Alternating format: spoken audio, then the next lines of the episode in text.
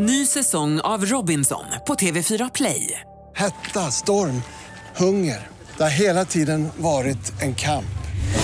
Nu är det blod och tårar. Fan händer just nu. Det. är Detta är inte okej. Robinson 2024, nu fucking kör vi! Streama söndag på TV4 Play.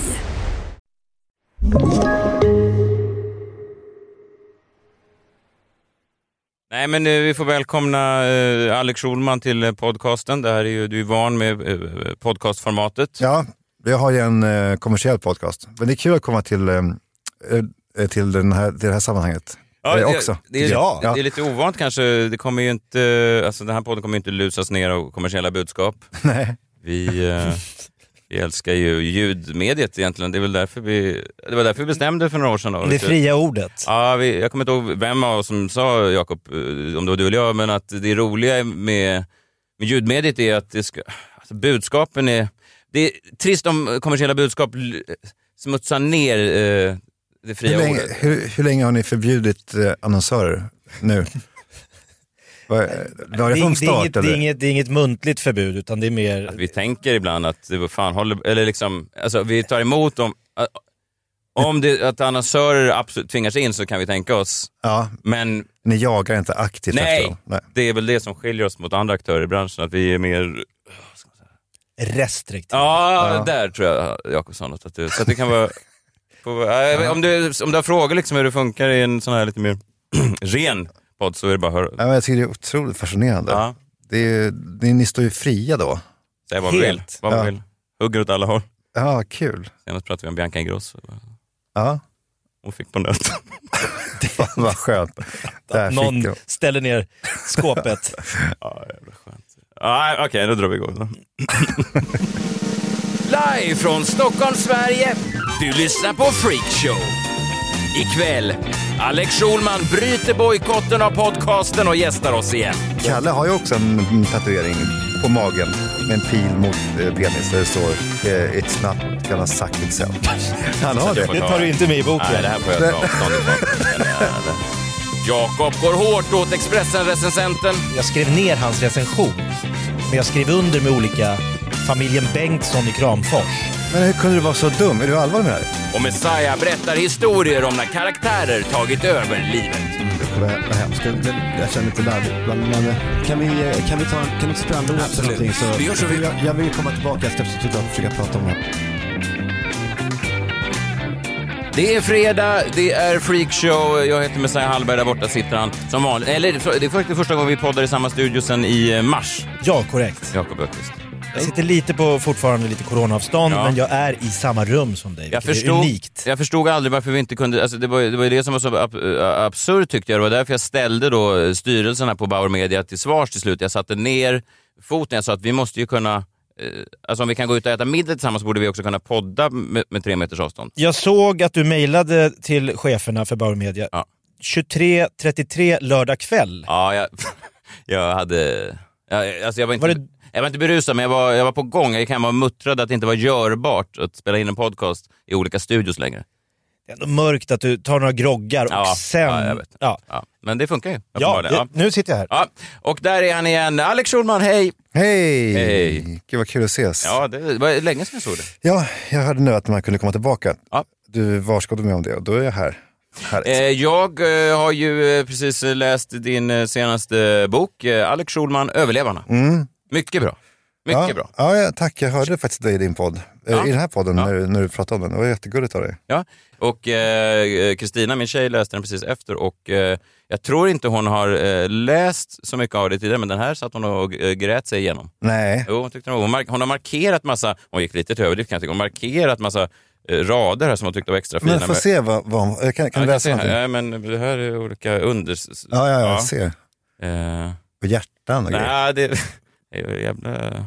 Oh, alltså, jag har aldrig sett en bok som har blivit så... mar- Ja, men det, Så tummad. Nej, men det är väldigt bra. Eh, väldigt bra. Och vi pratade ju lite, jag, jag, skickade, jag läste ut den och så skickade jag till dig. Och jag, var också, jag nådde dig då i de där eh, dagarna när du har gett ut boken, men innan recensionerna. För det är väl så när man släpper en bok, att man sätter någon slags recensionsdatum. Ja, men jag, fick, jag har aldrig varit med om det förut, men nu var det i alla fall så att den 4 september så skulle boken komma ut och sen så skulle den recenseras den 19 september. Så det var liksom ett jävla in, ingenmanstillstånd av att, av att det, liksom, den, den var inte recenserad men den var ute.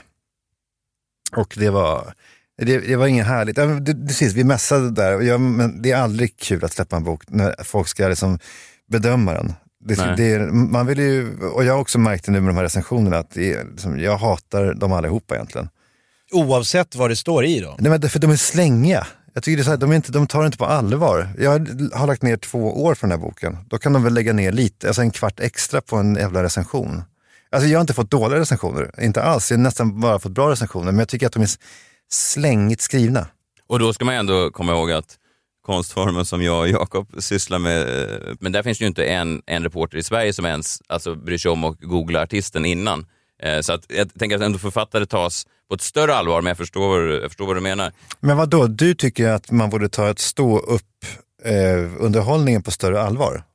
I Sverige, alltså så som den eh, ses, så som den recenseras i eh, Storbritannien eller USA. Men vad då? ni har ju Jens Petersson och Ja, fast de har ju, de kan, de har inte sett någonting. De finns ju inget, det finns ju inget, Jan-Olof Andersson sitter ju och halvsover på rad tre. Alltså att det finns ju, de, de, de analyserar inte, till exempel som när de recenserar din bok så säger de ja den påminner lite om mm, mm, mm. Eller den, eh, den, Harry Martinsson. det tror finns en, det finns en skugga av uh, mm, mm, mm. Eh, I ståuppvärlden så är det ju väldigt, det, det här skämtet var kul, när han kallade en dvärg för eh, prostituerad var roligt. Däremot tyckte jag inte om det kvinnofientliga materialet. Sista halvtimmen. Tre pluppar. ja, nej men Ja, eh, alltså, det, det finns har en... du suttit på, eller har du stått på scenen så har du sett i folkhavet en recensent? Ja, verkligen. För jag tänker, är det som när man är på, alltså man, man är kock på någon stor restaurang och så, och så förstår man att det där är Guide Michelin-gubben. Ja, ja men Och- verkligen. Spelar man för honom då eller för henne? Nej, men man, det finns ju, jag vet inte om det var Schyffert eller någon som sa att det finns ju vissa såna eh, nyckelord som du kan slänga in i, i en standup-show som får en kulturskribent att haja till. Alltså att man plötsligt säger så här, eh, det var ett tag så var det väldigt gångbart att säga så här, men vad fan, flyktingar, vi alla har varit flyktingar en gång. Och så eh, ser man att han eh, hajar till. Jens. Pettersson tar fram pennan Ja, att, att det, här, det här var ju lite mer än bara en vanliga pubunderhållning. Det här finns en, en eh, eftertanke i det här. Men har vi alla varit flyktingar någon gång? Ja, Ja, det har vi väl någon gång. Vi, nå- någon gång har vi vandrat, alla har varit invandrare någon gång. Du kommer väl ihåg när vi gick över, över steppen för att ta oss hit? Inlandsisen Ja, och så exakt. vidare. Ja. exakt. Ja, du Får jag bara slänga våra- upp ett varningens finger? Eh, Stockholm Live blev ju ordentligt åtgånget av Anders Björkman i Expressen. Mm. Han sågade ju programmet, det var ju ett hedersmord. Rejält så. Då, ska bara, så att ni inte gör samma misstag som jag. Jag satte mig och privat författade olika, eh, jag, jag skrev ner hans recension, men jag skrev under med olika familjen Bengtsson i Kramfors, eh, Jonna och Petra från Norrköping, varpå han efter 20 sådana mail svarade det kommer inte från Jakob Ökvist det här för det är samma mailserver. Nej, på allvar? Ja, nej, men jag skulle, Ja, jag- jag tänkte någon Ja, måste ju, sådär kan man inte, Nej, alltså, nej, nej, du kände jag, det. jag kände att svenska Ja. folket tyckte som jag. Ja.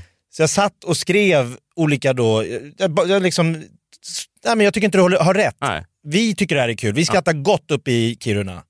Men alla kommer ju från jakob at Ja, stockholmlive.se. det var ju en, Men då är, Men ni, vänta, då vänta. är ni exakt samma båt, Alex och Jakob, att ni stör er på det här med recensenter och att ni hämnas liksom ganska allvarligt. ja, fast jag hamnade, jag, jag hamnade ju ännu sämre Exakt dagar. lika, ni är som två... Ja, Men hur kunde du vara så dum? Är du allvarlig med det här? Ja men det här var ju 2005, jag Jaha. visste inte riktigt att man Okej. såg avsändare. Okej, Jag tror det var nu nyligen. Nej nej nej. Nej. Okej, du, fy fan vad hemskt. Så fick jag bara ett svar. Det är inte Jakob Ökvist själv som författar de här eh, arga insändarna från svenska folket. I och med att, Ah, herregud. ja, men bara så att ni inte gör... Nej, det var Nej, men, ja, bra. men, men så att du blev, eh, Anders Björkman måste ha varit ganska gammal redan då, att han kunde då tekniskt sett vara Nej, man såg ju. Ja. oj pling Jakob Ja, Ökvist, ja. pling Jakob Ja. Ökvist, pling, men det, familjen, Ja. Jaha, så det ändrade inte själva taggen utan bara det namn. ingenting. Det är omöjligt. Inte ens Anders Björkman kan ju missa en sån grej. Nej, han gjorde inte det. Nej. Så han svarade bara, jag misstänker att det här är från en av skaparna av tv-programmet jag just sågade. Och då, Då, Nej, jag bara backade. då, då, back, då stängde du av datorn. ja, men jag var ju Du tog tre skamligt. steg tillbaka. Ja, men jag, hur fan såg han, det är som att vara en trollkarl och säga jag ser att du har, jag ser hon kvinnan som du trollar bort, hon går ju där. Jag känner mig jävligt eh, genomskinlig. Ja.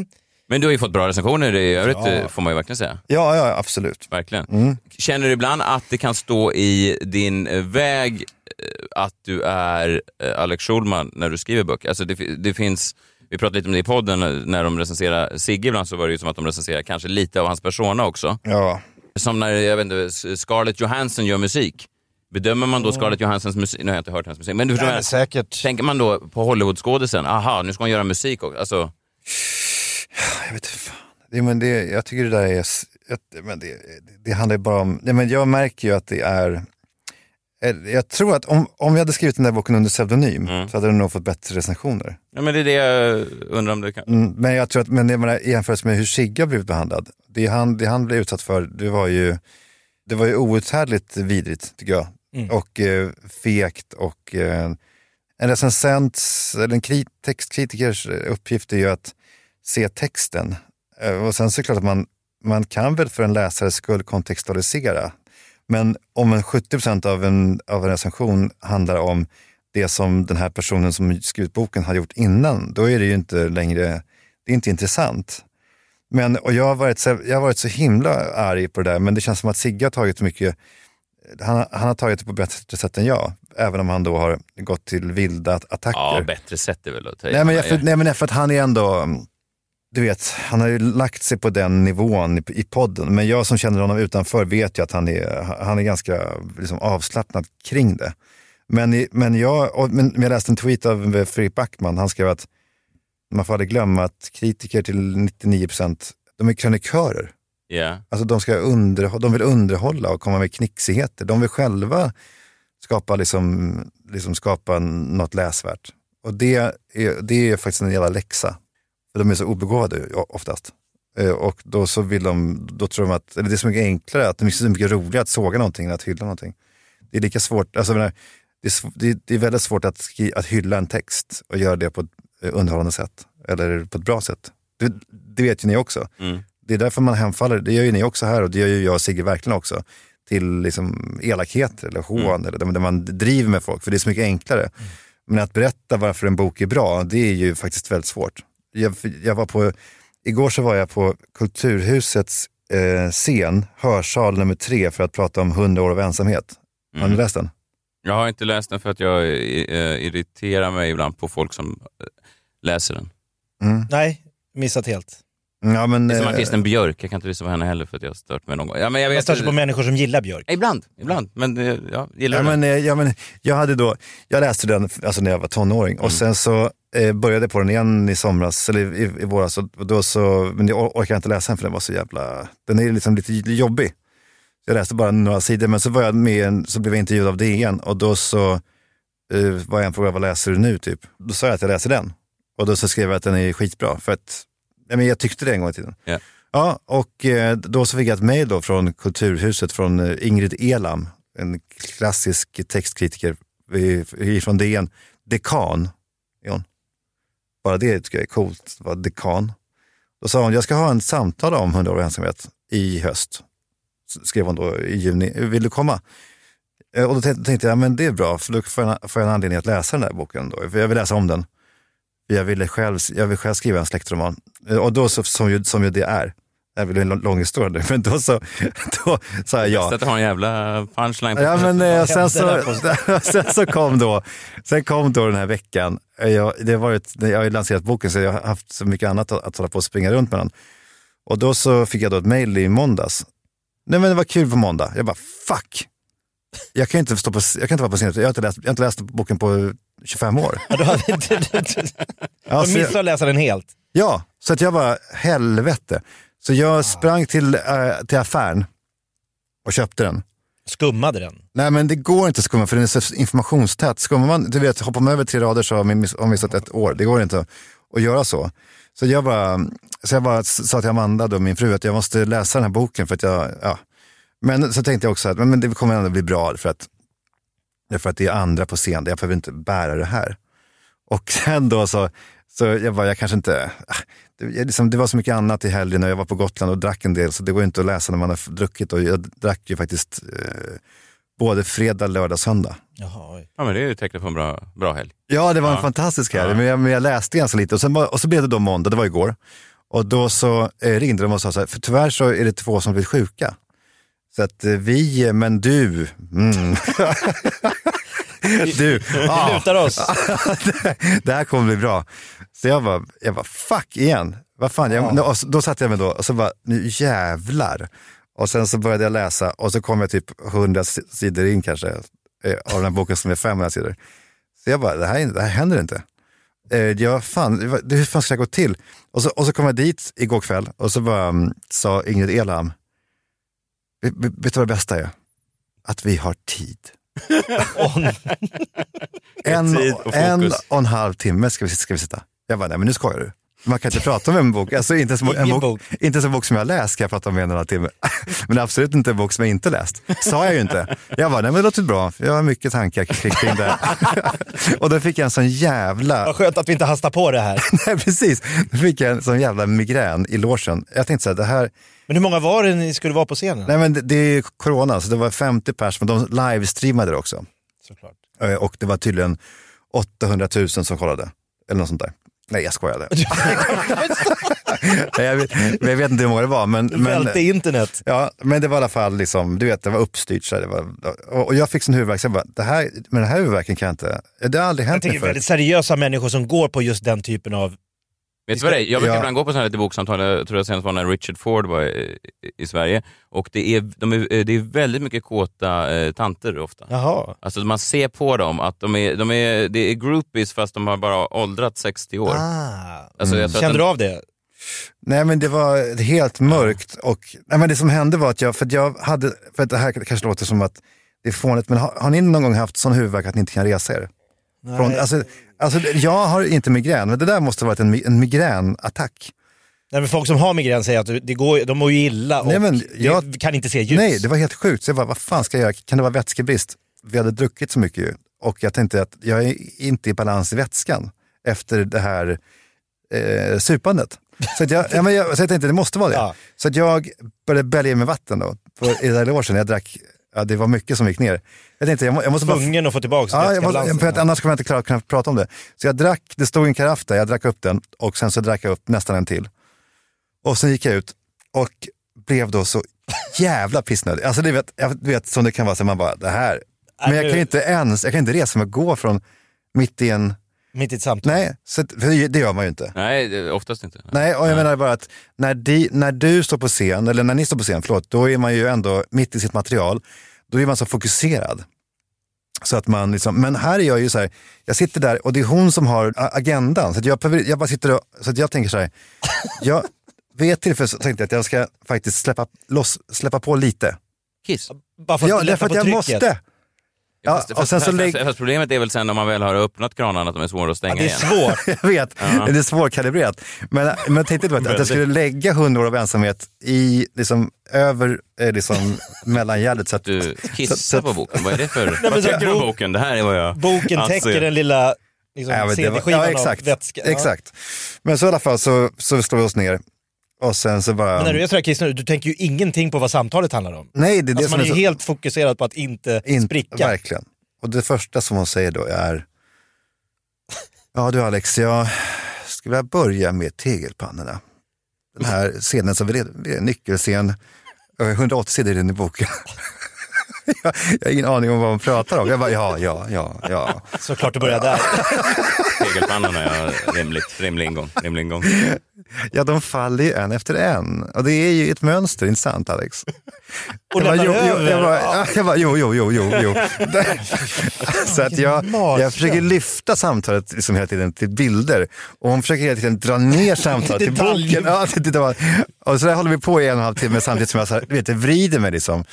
Och sen så, om det inte är några, några, som har fler frågor, eh, för sen vår frågestund, då tycker jag vi tackar Alex. Och när de säger att tackar Alex, då reser jag mig. Så, Du är redan på väg ut. och linkar mot, mot logen. Och att jag hör att applåderna börjar, då är jag redan, som du har tagit en, ha- en hand på toaletten. Och sen kissar jag, alltså det var faktiskt nästan fascinerande. Jag kissade, ja men typ tre minuter. Det är djuriskt. Ja, för att jag hörde hur de började eftersnacka där i logen efteråt och de bara, det gick ju bra det här och ljudtekniken började fibbla med. Och jag bara, det, som- det tog aldrig slut. Och det var helt, helt liksom genomskinligt. Så att när jag var färdig behövde jag inte spola. Tror du att du hade gått hela varvet runt Ja. på något sätt? Du hade ju två och en halv liter rent vatten Ja. som bara låg i en blåsa och trycker. Ja. Ja, fy fan. Nej, det var verkligen en... eh, Ja, fy fan alltså. Men annars mår du bra? Anna, annars så är det, är det kanon. Ja, Men det är någonting med det här drickandet som gör, gör att man alltså mycket vill ha mer. verkligen. Så igår, när jag kom hem, På jag bara, stort. hur fan ska man liksom landa efter det här tänkte jag. Ja, Efter den Nej, jag, jag, vet inte, jag är fortfarande kvar i badrummet där du urinerar, men jag Ja. släpper den nu. Nej men nu är vi Nu är hemma, hemma, Ja, ja. och barnen ha, har gått och lagt sig, Amanda eh, också. Och eh, jag eh, hittar jordnötsbågar eh, i, en, eh, ett skafferi. Mhm. Sega, men ändå du vet, det finns något med sega jordnötsbågar. Och så öppnar jag en flaska vin. Och eh, så sitter jag där i köksbordet ensam. Så äter jag de här jordnötsbågarna och så och, och, Försöker landa den här Ja. upplevelsen. och den flaskan går ner. Och så, eh, så tänker jag, det här, jag är inte riktigt färdig. En- Så, En hel flaska går ner. ja, en hel flaska går ner. Ah. Ja, och sen så, För den salta jordnötsbågarna. ja, och sen så öppnade jag en, eh, en öl. Och då var det som min, papp, min morfar alltid sa när han, eh, när han eh, åt sill. Då sa han alltid, det här kräver. och så gick han till spritskåpet och tog fram eh, någon vodka då. Alltså det var mat som krävde saker. Ja, den här ölen den krävde ju en liten pinne. En whiskypinne. Och så, och, och så öppnade jag då den. Eh, en, och så hällde jag upp en, en, ett, ett rejält glas. Och eh, eh, när jag är färdig med, med whiskyn, då har jag eh, halva ölen kvar. Då tar jag en, en liten whisky till. Till för att Ja. avsluta det hela. Ja, och sen är jag, sen liksom, du vet, jag minns inte hur jag hamnade i säng. Vilken resa, Ja, det var faktiskt Otroligt. otroligt. verkligen. Wow. På sidan 69 här, eh, I hundra år av ensamhet. Tegelpannorna.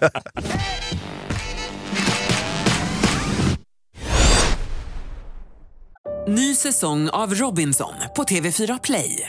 Hetta, storm, hunger. Det har hela tiden varit en kamp.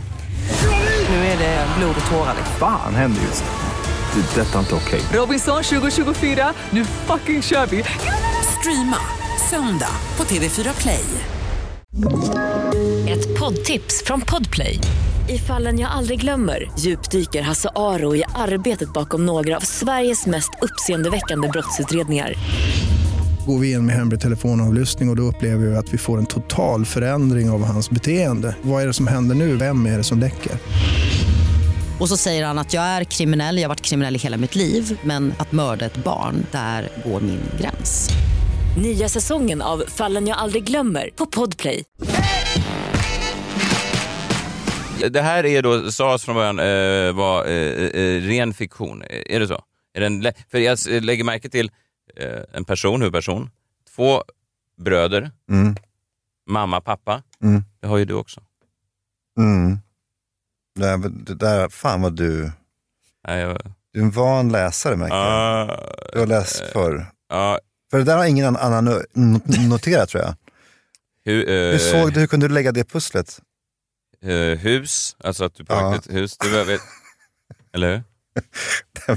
har, jag, har jag knäckt? Eller liksom du har jag, knäckte koden. ja, Nej men vad ska man säga, det är ju klart att det, är, jag är ju, det handlar om tre bröder och vi är ju tre bröder. Och hela ramhistorien är ju sann. Det var ju så att jag, alltså Jakob, du, som inte har läst den, eh, det är ju, eh, boken han, utspelar sig i, på två, i två tidsplan kan man säga. Ett nutidsplan som äger rum, äger rum under ett dygn, ett händelserikt dygn i de här tre, tre brödernas liv. Där bröderna då, mamman har dött och de här tre bröderna rensar ut mammans lägenhet.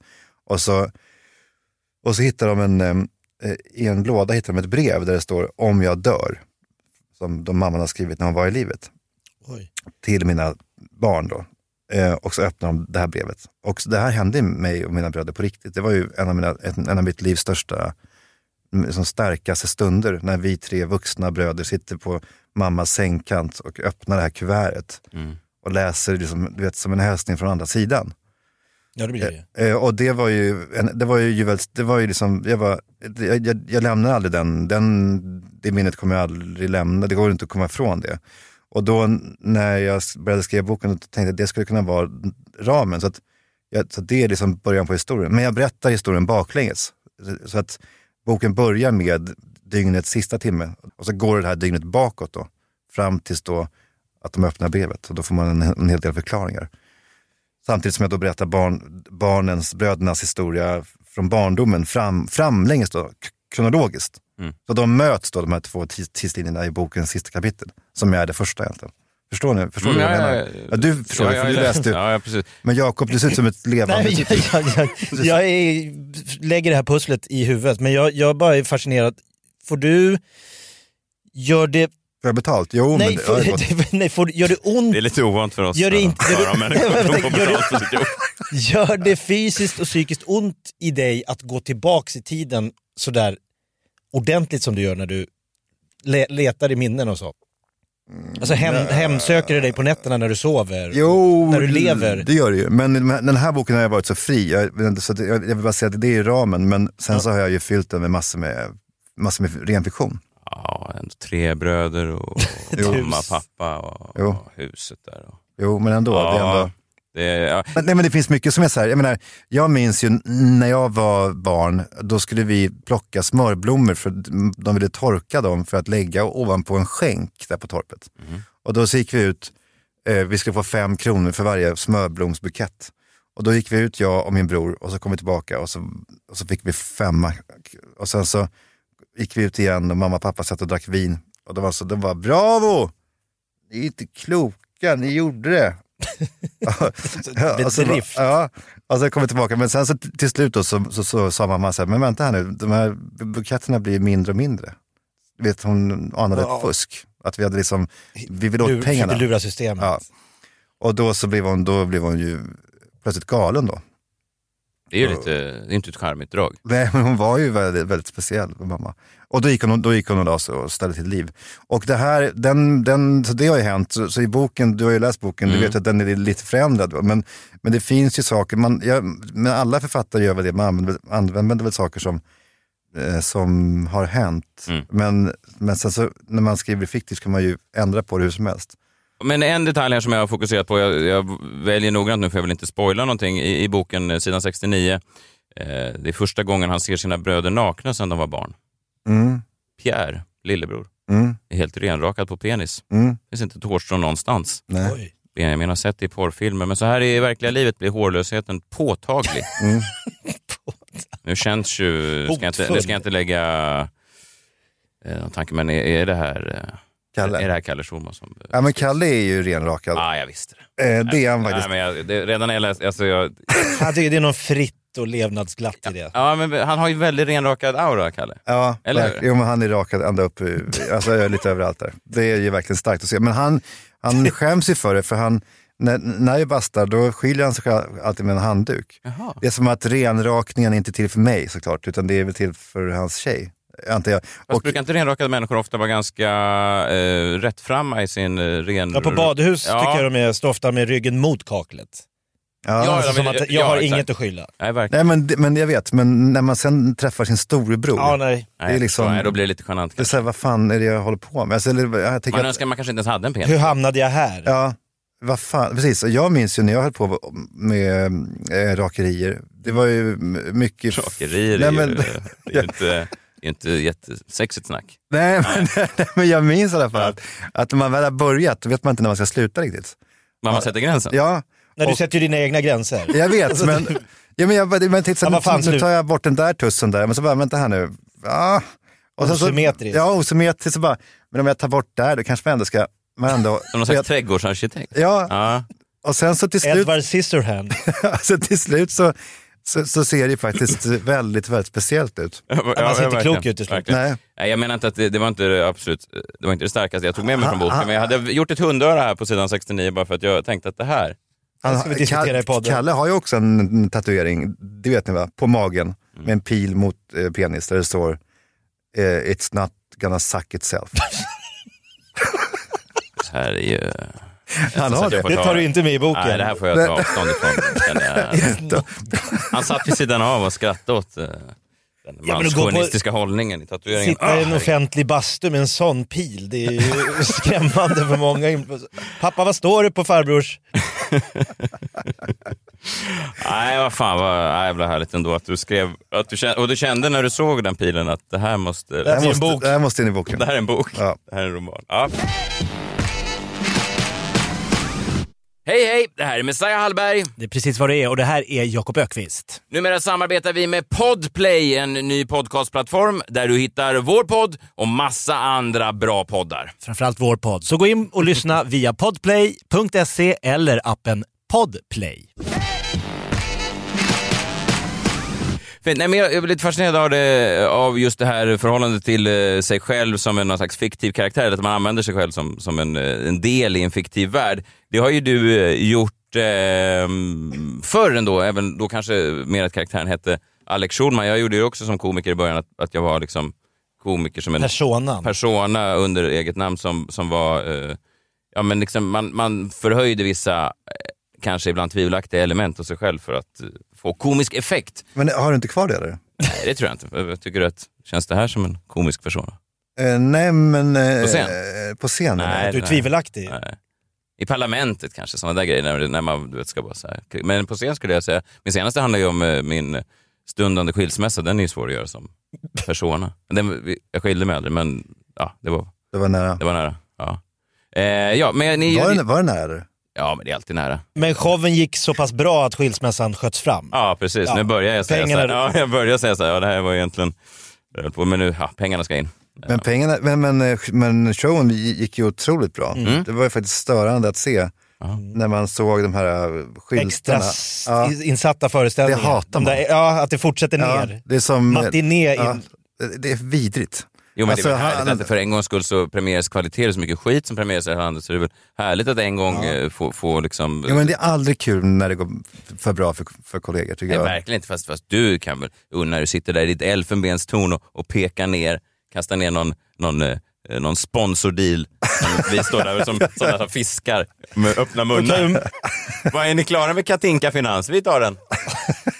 Men i alla fall, du, du spelar ju lite själv här i en, eh, i en eh, sketch som du gjorde för kanske 10 år sedan, 11 år sedan. Den var härlig tyckte jag. Jakob Öqvist, du är också med. Jaså? Ja, vi kan lyssna lite här. Ja, Alex Schulman berättar vidare om eh, sin bok. Vi hade ett exemplar, har det försvunnit eller? Nej, här. Där har vi. Ja. Skynda att älska. Kan du berätta lite mer om boken? Nej men alltså det har varit en väldigt, ska man säga, svår eh, resa. Min far dog för fem år sedan och man kan väl säga att jag sen dess har haft, eh, ska man säga, svårt att liksom hantera, hantera att han inte längre finns. Att han, eh, att han eh, att han är borta. Att han, eh, alltså att jag, jag, eller jag tänker tillbaka och, och de här dofterna.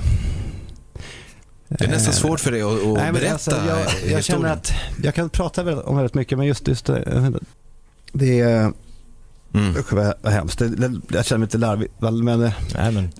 kan, vi, kan vi ta en, kan du inte spela en låt Absolut. eller någonting? Så, Vi gör så, vi- jag, jag vill ju komma tillbaka. Jag ska såklart försöka prata om det här på Det gör vi. Vi- Vi fortsätter prata med Alex Schulman alldeles strax i Vakna med The Voice. Kaching! Alltså du vet, de går ju på den här grejen varje gång. Du vet, så här, reportrar står och gråter och, och det är så, här, hela DNs kulturredaktion bara, ja, åh vad synd det är om Alex, åh hans pappa dog liksom. Och då jag bara garvar hela vägen till banken. Jävla Alex, eh, gött alltså. Ja, och här kommer då punchen att eh, det visar sig att eh, ni filmar då under pausen. Det var ju sändning. För webben va? Ja. Och så ser Alex förvånad ut. Och, roligt! Ja, det var ju, den, där, den där sketchen var, har jag ju fått sota för enormt. För att det var, den användes ju sen som någon typ av, alltså, eh, alltså eh, högertrollen använde det där som, ett, eh, som om den vore sann. Mm, jag har sett det. Kolla här vad han är Ja, girig. den kom Ja. tillbaks för, jag tror ett och ett halvt år sedan, så helt plötsligt fick jag massa mail. Kan du, garant, kan du berätta vad som hände på riktigt? Ja. Och jag tänkte, den där, det var, jag kommer inte ens ihåg att vi gjorde den, men det var ju tio år sedan. Som sagt. Ja. Så nu har någon hittat den och sagt att kolla, här visar han sitt riktiga tryck. ja, exakt så, så Helt skriver de. sjukt, jag fick hur mycket som helst. Ja, men jag vet, men det är alltså, ju... nej men det var en sketch. Ja, men det, det, det, är väl de inte. ganska uppenbart ändå att det är en sketch. Om man har sett humor förut så tycker man... Alltså det borde... Jag tycker det är väldigt tydligt. Ja. Men där och då trodde jag, jag tror folk där, när vi gjorde den live, trodde att det hände. Ja, är det så? Ja. Ja, men gick det ut på riktigt? Eller, Filmen, tvn, alltså radion gick över till låt och så fortsatte tvn. Ja, så var det, och så ja. var du som att du hörde låten och började... Mm, just det. det där jävla delen Ja, men så vi gjorde sketchen i realtid på riktigt? Ja, jag, jag, fick, det- jag, fick, jag fick för mig att vi gjorde det liksom efter sändning. Nej, det här var i sändning så jag tror knappt alla i studion visste att det Nej, skulle men göras. fan vad sjukt, för att det var ju ändå bold. Jag minns att mitt förlag ringde och var, de bara, vad, vad gör du? Och jag bara, men det var ju, det var ett skämt, vi, vi skojade ju. Och så bara, men det är så synd när du har byggt upp det här och du har skrivit en sån, sån fin bok att, att, du liksom bara, att, du sabbar, att du smutsar ner dig själv sådär. Men jag tyckte ju att det var otroligt kul. Men, det, men, det, men, däremot åtta år senare, när liksom, jag vet inte, den här sketchen hade typ en miljon tittare eller någonting. Ja, och alla nej, bara, är- alltså kommentarerna under är så här, nu fattar man, han är, han är ett sånt jävla svin. Och här är liksom det yttersta be- beviset på det. Då, då har man ingen lust att göra, att göra humor längre. Alltså Nej. förstår du? För att jag bara, man orkar liksom inte. Jag tror Kalle var där och filmade för Tusen apor samtidigt. Ni gjorde någon egen... Ja, så kanske det var Så ja. det var en samgrej. Var han renrakad redan då?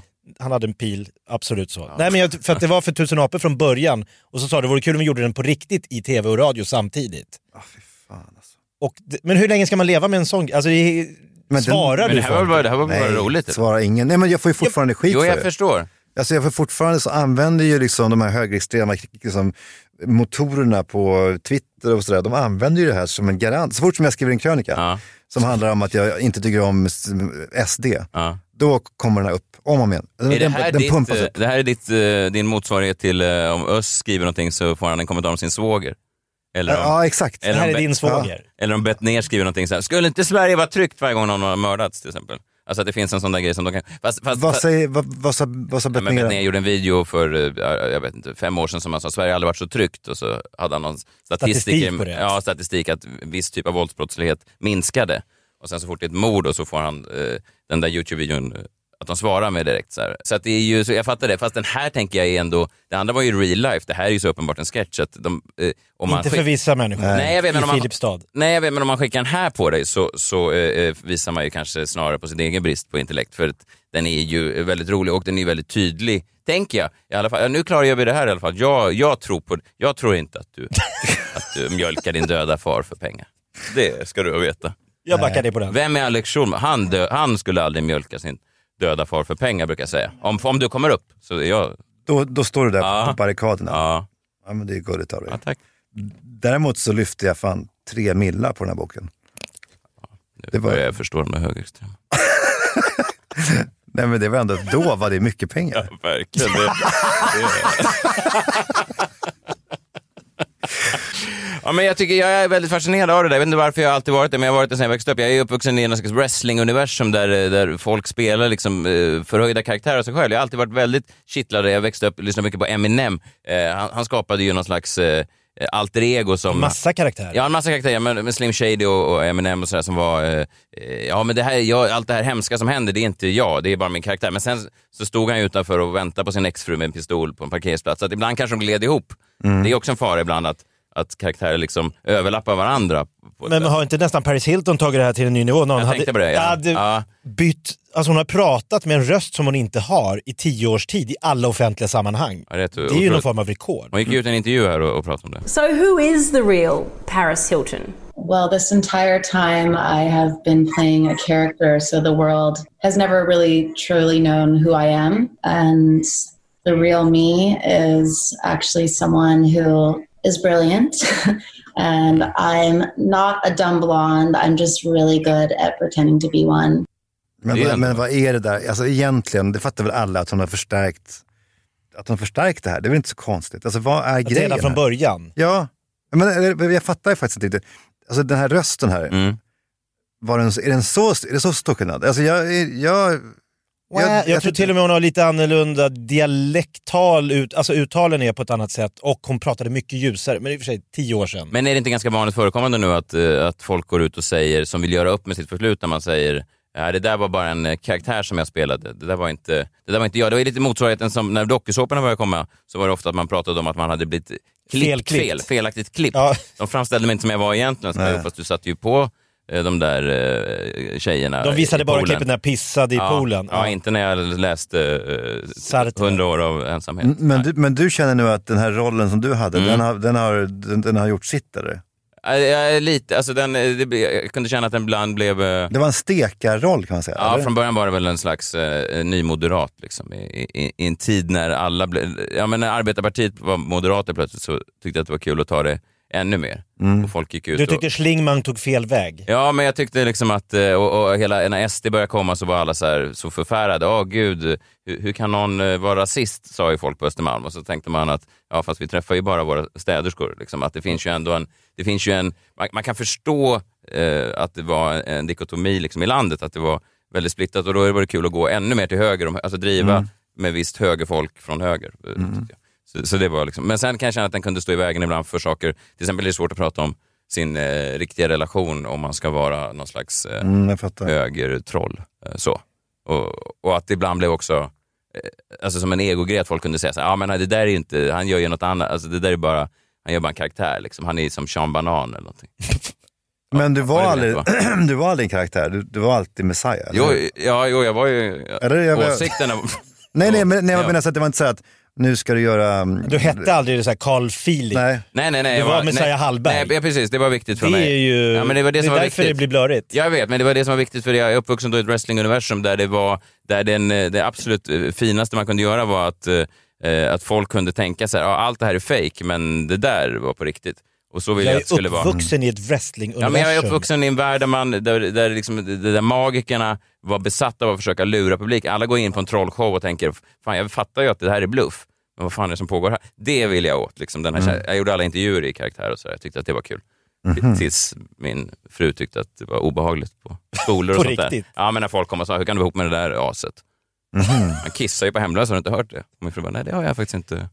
Det gör han bara när han får betalt. Jaha, så också intervjuer så, så Ja. var det, okej, fan Mm. vad spännande. Ja, jag tyckte det var, jag tyckte det var kul. Vi hade ju eh, någon slags svensk Paris Hilton också, Hanna Widerstedt, kommer ni ihåg hon? Hon var med i Big Brother och, och, Ja, eh, dejtade Jockiboi. och dejtade Jockiboi och, och spelade in lite filmer och var lite tokig. Sen gick hon ju Gränslös. Ut och, ja, hon var gränslös. Hon sa- Hon var med i Big Brother och, sa, och sen gick hon ut och sa att det var bara ett konstprojekt allting. Kan vi börja från början? Du kom in i Big Brother-huset och sen så blev du... Och vad hände då? Eller du gick in i en roll när du gick in i huset. Ja, när jag var 21 år, jag var ju liksom väldigt revolterande och jag ska spela idiot på TV för det är det Ah. som folk tittar på och så ska det inte vara. Jag var Ah. väldigt liksom arg på allt och alla och jag ville bevisa att jag är en sån mäktig person, jag är så intelligent och jag ska in och trolla på Big Brother. Ja, så Eh. du gick in som någon annan än dig själv? Du gick in i en Precis, roll? Jag liksom. gick in som en provocerande idiot liksom. Mm. Eh, och det har, kan man ju ha sina åsikter om men just i det skedet kändes det jättebra. Allt var ett konstprojekt, det var bara bluff. Mm. Men sen hade hon tydligen, kom hon ut nu i år och sa att de senaste sju åren har jag levt som prostituerad i Berlin.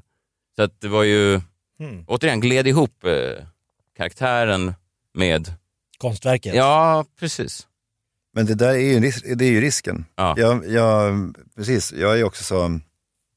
Jag, min karaktär då, när jag började blogga, det var ju att jag var eh, alltså en person som hade enormt höga tankar om sig själv och som, tyck, som tyckte, sig, tyckte om sig själv att han var liksom universums nav på något sätt. Och eh, fan, det där skulle jag aldrig kunna. blev då kränkt hela tiden. Gick, Mm. gick runt i livet kränkt därför att han, eh, han kom inte in före kön på Sturecompagniet eller han fick inte en gratis kaffe på det där kaféet och sådär. Och det, den kränktheten, den är ju, den, den finns ju ändå någonstans inne i mig. Sen så, bara, sen så valde jag bara att bejaka den och förstora den. Men jag har ju märkt att det är så många som ju fortfarande går runt och, säger att jag är, att jag är um, lättkränkt. Och, eh, och jag förebrår ingen för det, för att jag märker själv att jag väljer de historierna också ofta i podcasten fortfarande. Alltså jag berättar om Christer Henriksson, då är jag ju också en, liksom en person som blir överkörd och berättar om det. Och sådär. Alltså jag, jag märker att jag fortfarande har kvar det där, att jag, att jag tycker om att förstärka den, den sidan hos mig. När, när den i själva verket den kanske är en, en smula större än, än, hos, än hos andra, eller ligger lite över medel. Men jag skulle inte säga att det är liksom ett, ett, ett, ett, ett, liksom riktigt stort karaktärsdrag i mig egentligen. Men det blir ju så när, när man, för att jag märker att det liksom, berätt, narrativt så blir det ju spännande med en person som ju berättar om, om han kommer in i ett rum med ambitioner eller med, liksom, med en idé om vad som ska hända och sen så händer det någonting helt annat där han blir bortgjord. Det är ju, det är bjussigt att, att, att berätta en, en, en sån historia. Men ju fler gånger som jag gör det, desto, mer, desto liksom starkare blir den här cementeringen av att, av att det är jag. Mm. Till slut så kanske det blir jag. Ja, det är ju det, är det där man, man, man kan känna ibland. Man vet till slut inte riktigt var det ena slutar och det andra tar vid. Nej.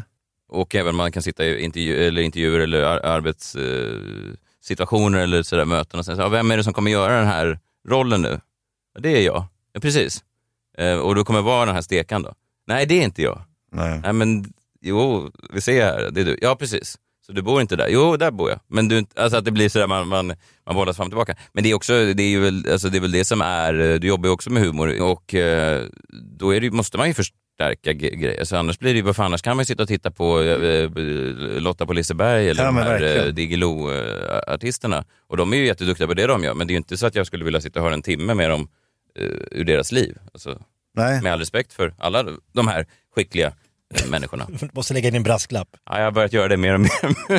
Men jag, men jag minns när jag var på väg till att äta lunch på Rish och, så, och så gick jag förbi ett skyltfönster med en sån här stark spegling och jag kände att jag hade, ja, men jag ville liksom kolla, kolla mitt, mitt lux.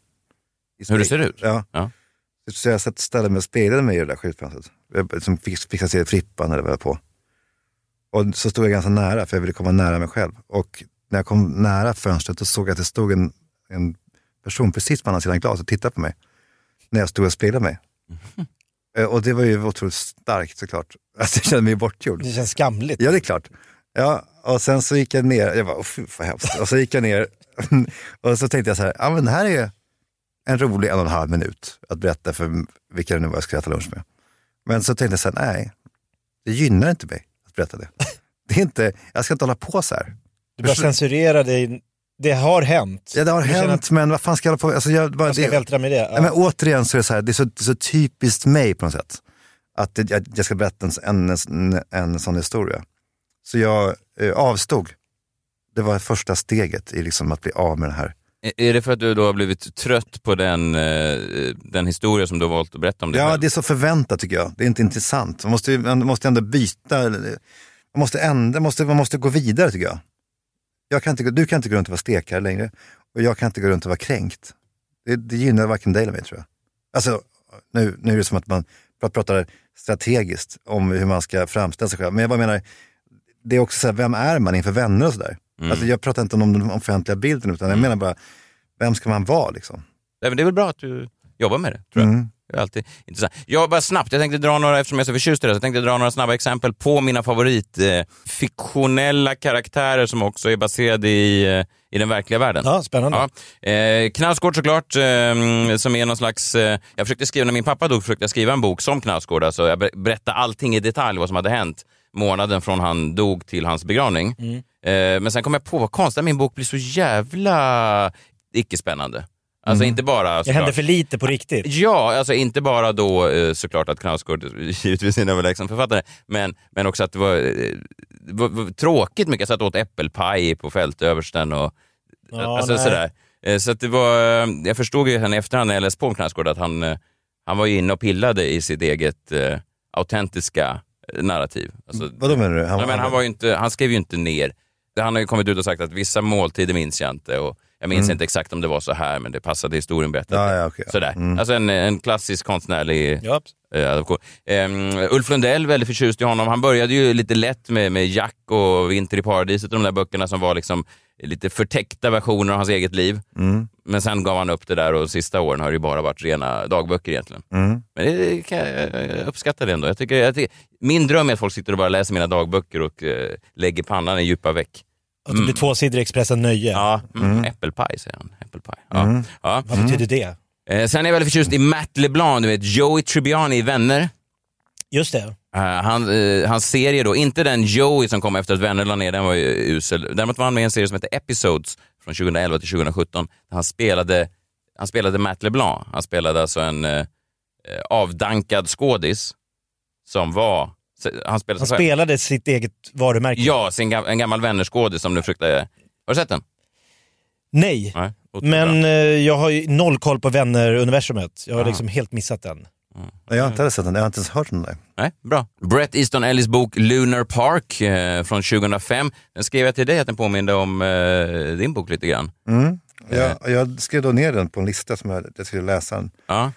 Men sen har jag mest läst 100 år av ensamhet så att jag inte har haft tid. Nej, men det, det är eh, Bret Easton Ellis bästa bok. Den handlar då också om att han är en karaktär som heter Bret Easton Ellis.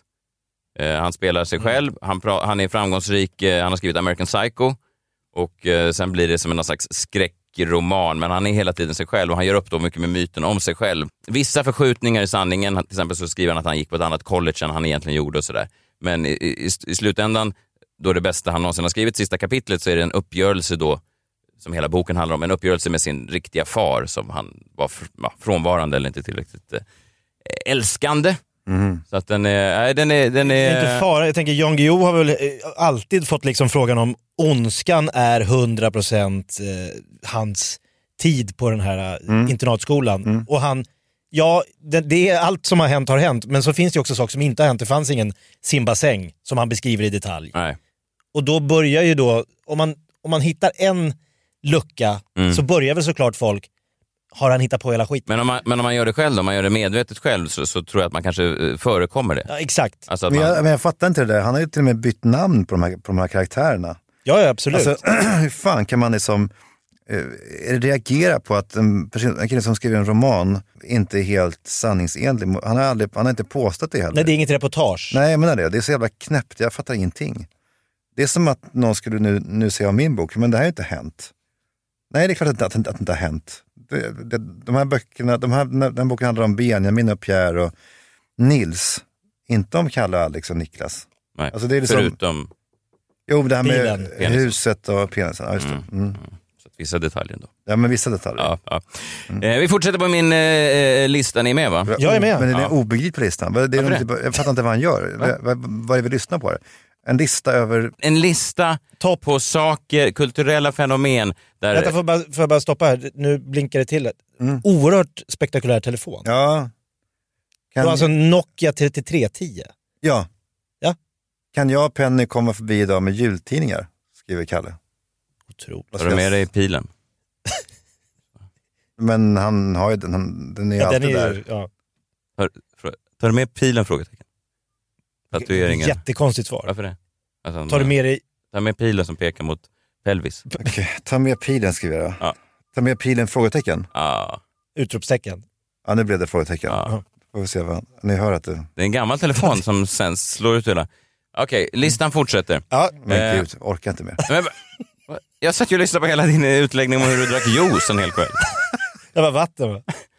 Jag ska skruva Du ner lite. jag ska. Du jag ska skruva ner lite på den här uh, självupptagna personen. Här är en story. Ska du prata också? Stänger jag. Vad fan, hur tycker du det går egentligen med din? Nu får han bara pilen? Frågetecken. Ja, då säger du, du vet Du vet pil. vilken pil jag menar. vet mycket väl vilken pil det, det handlar om.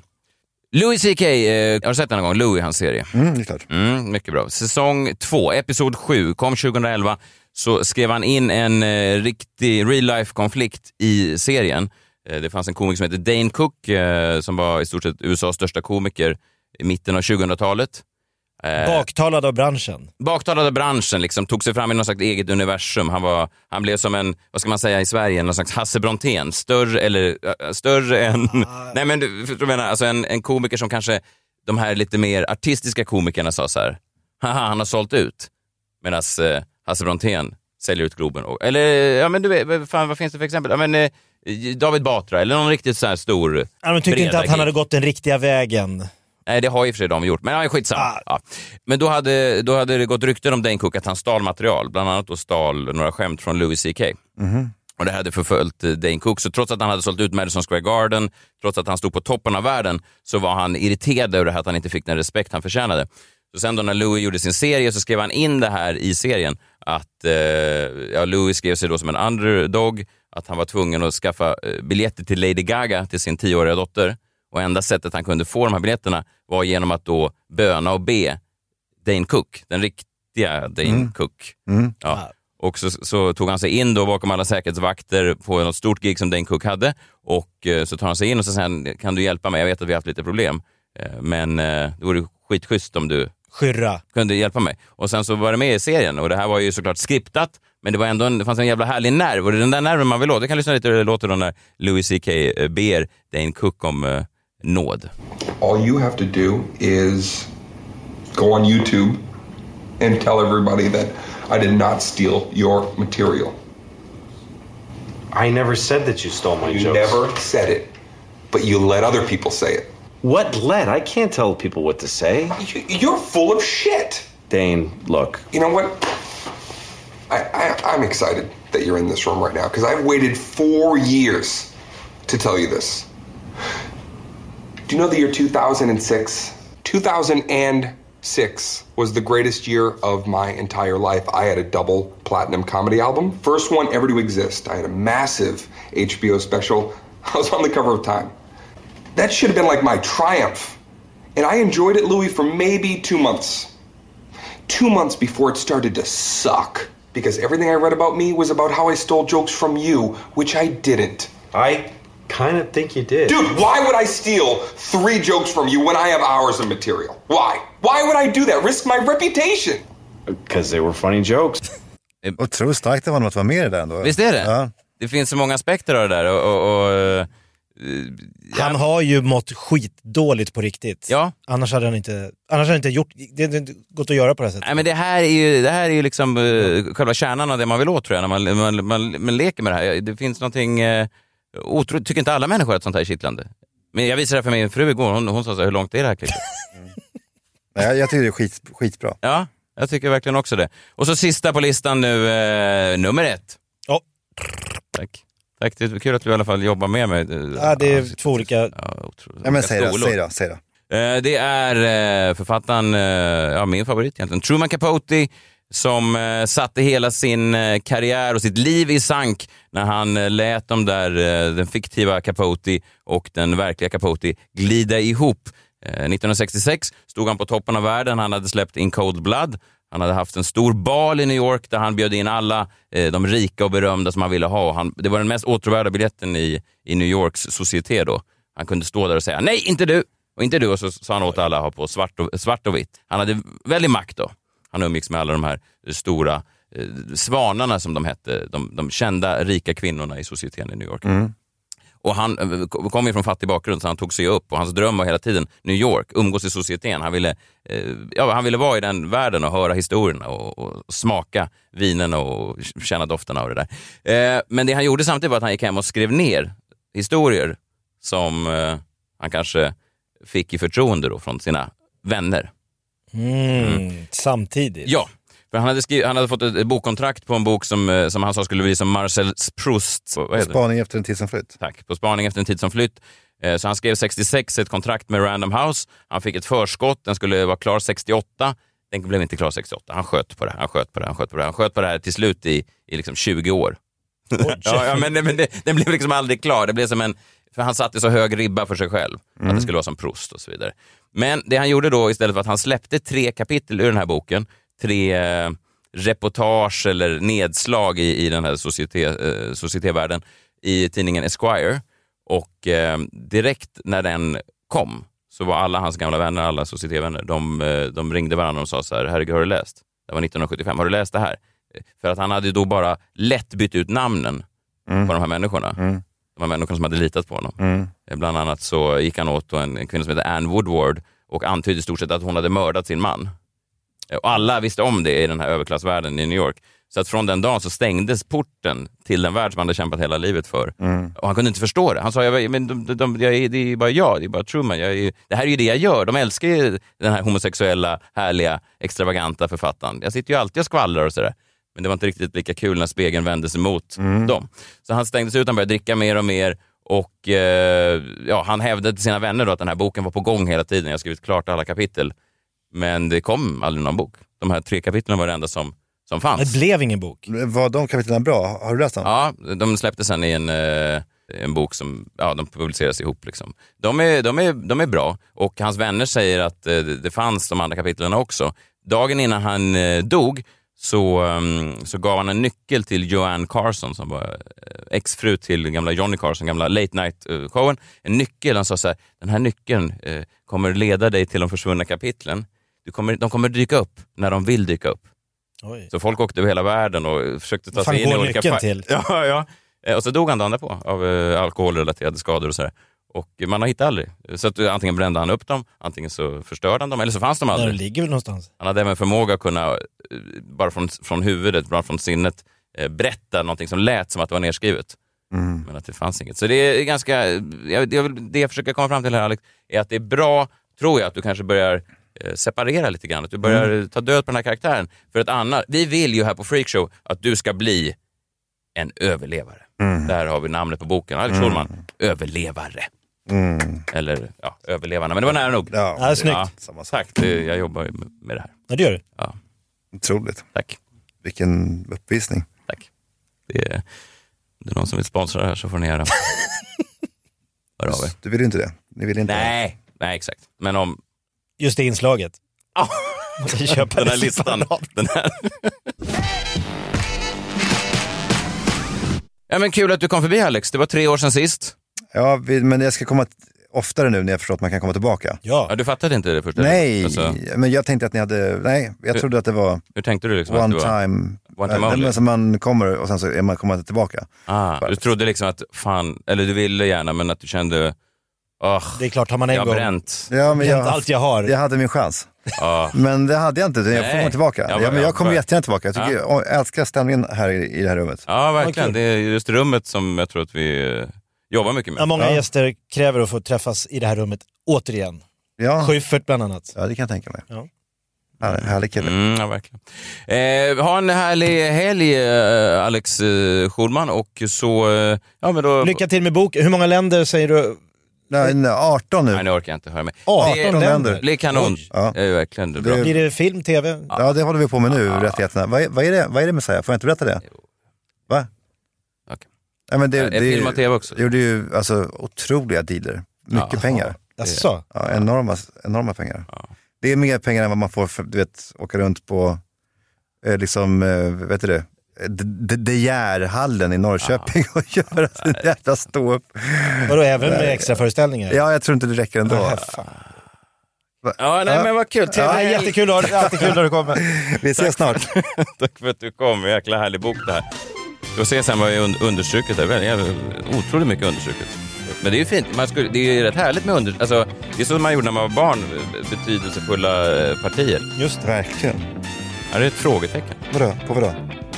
20 meter upp på de betonghöjda trafiklederna. En ensam bil över de fem filerna. Så det är ett, ett frågetecken, utropstecken. Jag vet inte vad Det är din fru som har Ja, jag vet inte vad det betyder. Hon tror inte på det. Jag ska ringa henne. Hon, hon tror inte att det är sant? Eller? Just det. Det är omöjligt att det är fem filer där. Det är fyra. det Det är vet bara lögn. Av allt. Jävla närläsning. Ja, verkligen. Eh, tack för att du kom. Detsamma. Tack. Hej. Hej.